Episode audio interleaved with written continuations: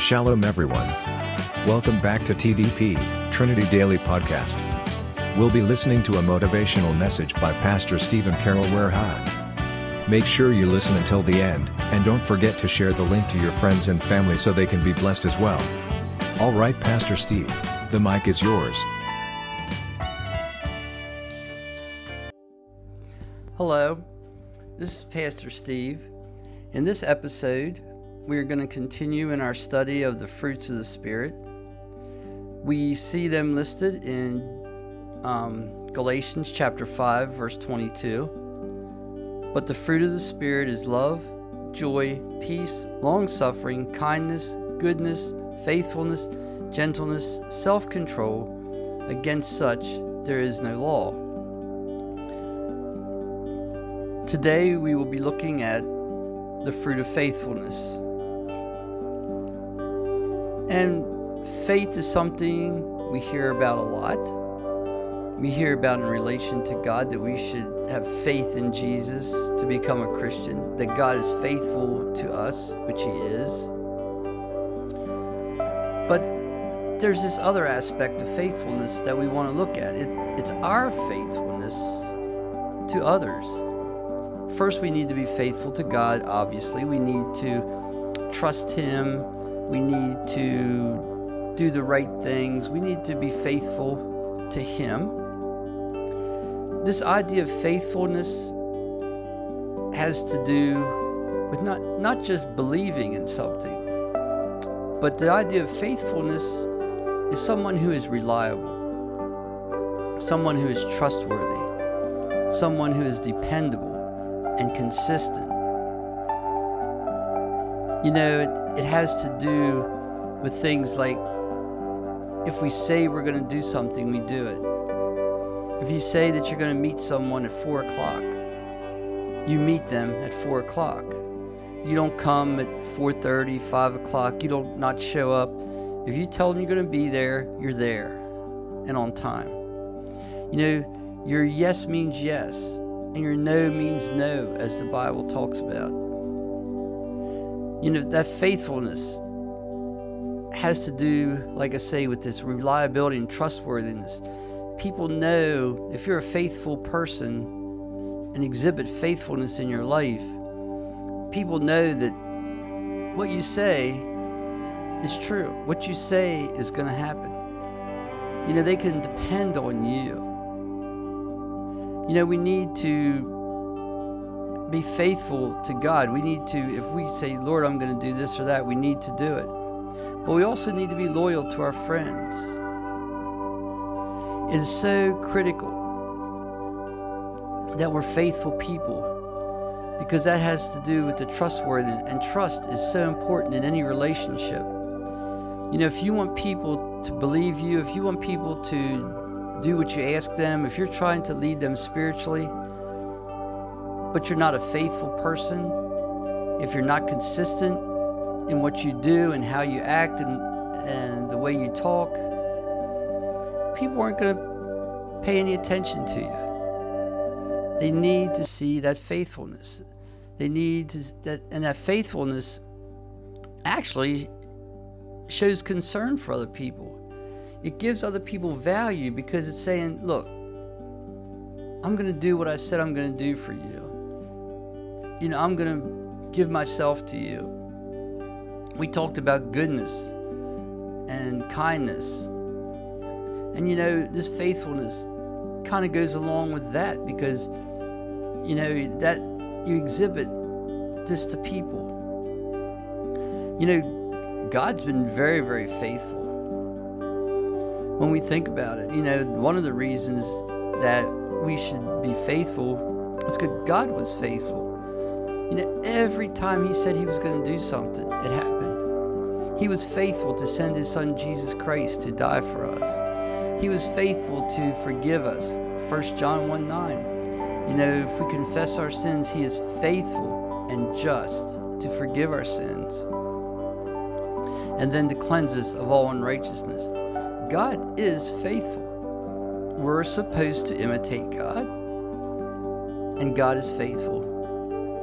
You know, but unfaithfulness can cause us many problems in life.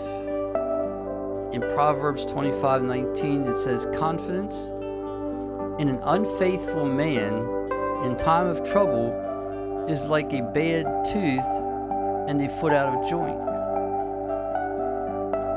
You know, being unfaithful can create many problems in life.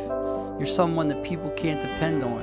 It's saying here, you know, if, if you depend on someone that's unfaithful, it's just like having a bad tooth, and and so we need to be faithful people. You know, and God also rewards faithfulness. You know, when when he deals with us on a day to day basis and we're faithful. You know, when we're faithful, we have we can have peace because we're doing the right things. When we're faithful, we're in the will of God, so we can have peace, we can have joy. God helps us to see the good and the blessings and everything around us. So God rewards faithfulness. But also in heaven, when we get there, the, our faithfulness will bring about rewards. Because when we're there, the things that we did on this earth will be how we, how we are rewarded and what we are rewarded on.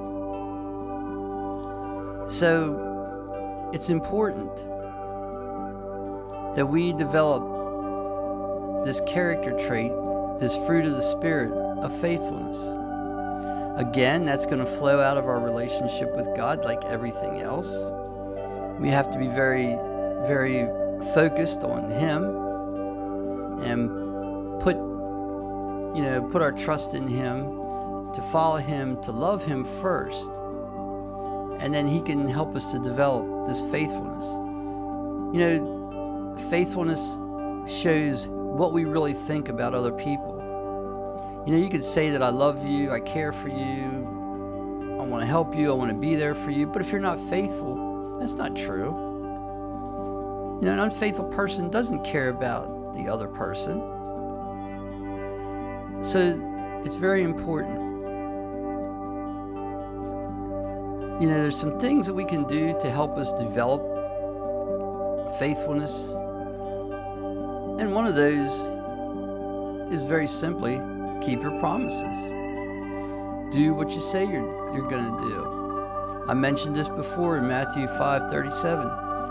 But let your yes be yes and your no be no. So it's important that we keep our promises. You know, the more that we do that, the more we can develop this this character of faithfulness. Another one is honor your marriage. You know, there's there's a lot of there's a lot of people today that cheat on their wives, cheat on their husbands. They they don't even if they don't cheat, they don't necessarily treat their um, husband or wife the way that they should, truly loving them and caring for them. Honor your marriage. It's a sacred bond. It's an example of Christ in the church. So, honoring your marriage will help you to develop faithfulness. Use of your talents. You know, God's given us talents, He's given us spiritual gifts. And He didn't give us these things just so we could say, oh, wow, I can really sing good. Wow, I'm a good artist. Wow, I'm a good planner. I'm a good speaker or whatever. He didn't give us these talents and spiritual gifts just to keep them to ourselves. Part of faithfulness is using what God has given you. Because God doesn't give you these things just to keep to yourself.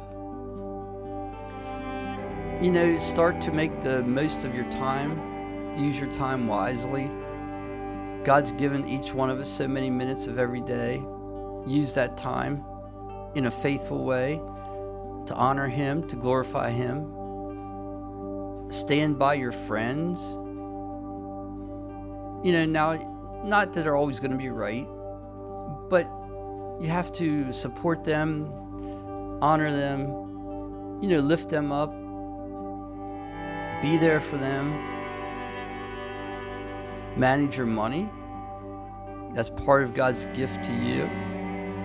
Use that in a wise way, in a way that honors and glorifies Him, that makes the most use of it. You know, not wasting it on a lot of useless things. Do your best at work or at school. Do your best when you're out in public. You know, to to be that example. Be on time for work. Be on time for school. Get your work done. Do it with excellence. Commit yourself to a church. You know, the church is a body and it needs everyone to to be a part of it. needs everyone to commit themselves to work within the church in all the different ministries and in everything from the cleaning of the church to greeting people to the sound to the music, whatever it may be. So I would encourage you today, as always, to spend time with God, asking Him to help you to, to first love Him and then develop this character trait, this fruit of the Spirit of faithfulness, and see how that really does change your life. Let us pray. Dear Lord and Heavenly Father, we thank you, we praise you for this fruit of the Spirit of faithfulness. We ask you to forgive us of the times we have not been as faithful as we should have been, where we haven't honored you, um, where we haven't honored others, where we haven't built them up, where we where we've not kept our promises. We ask you to forgive us of those times and help us to be different. Help us to become people that are faithful, to do what we say we're going to do, when we're going to do it, how we're going to do it with excellence. In Jesus' name we pray. Amen. Thanks for listening. Hope you are blessed. See you again in our next podcast. God bless you.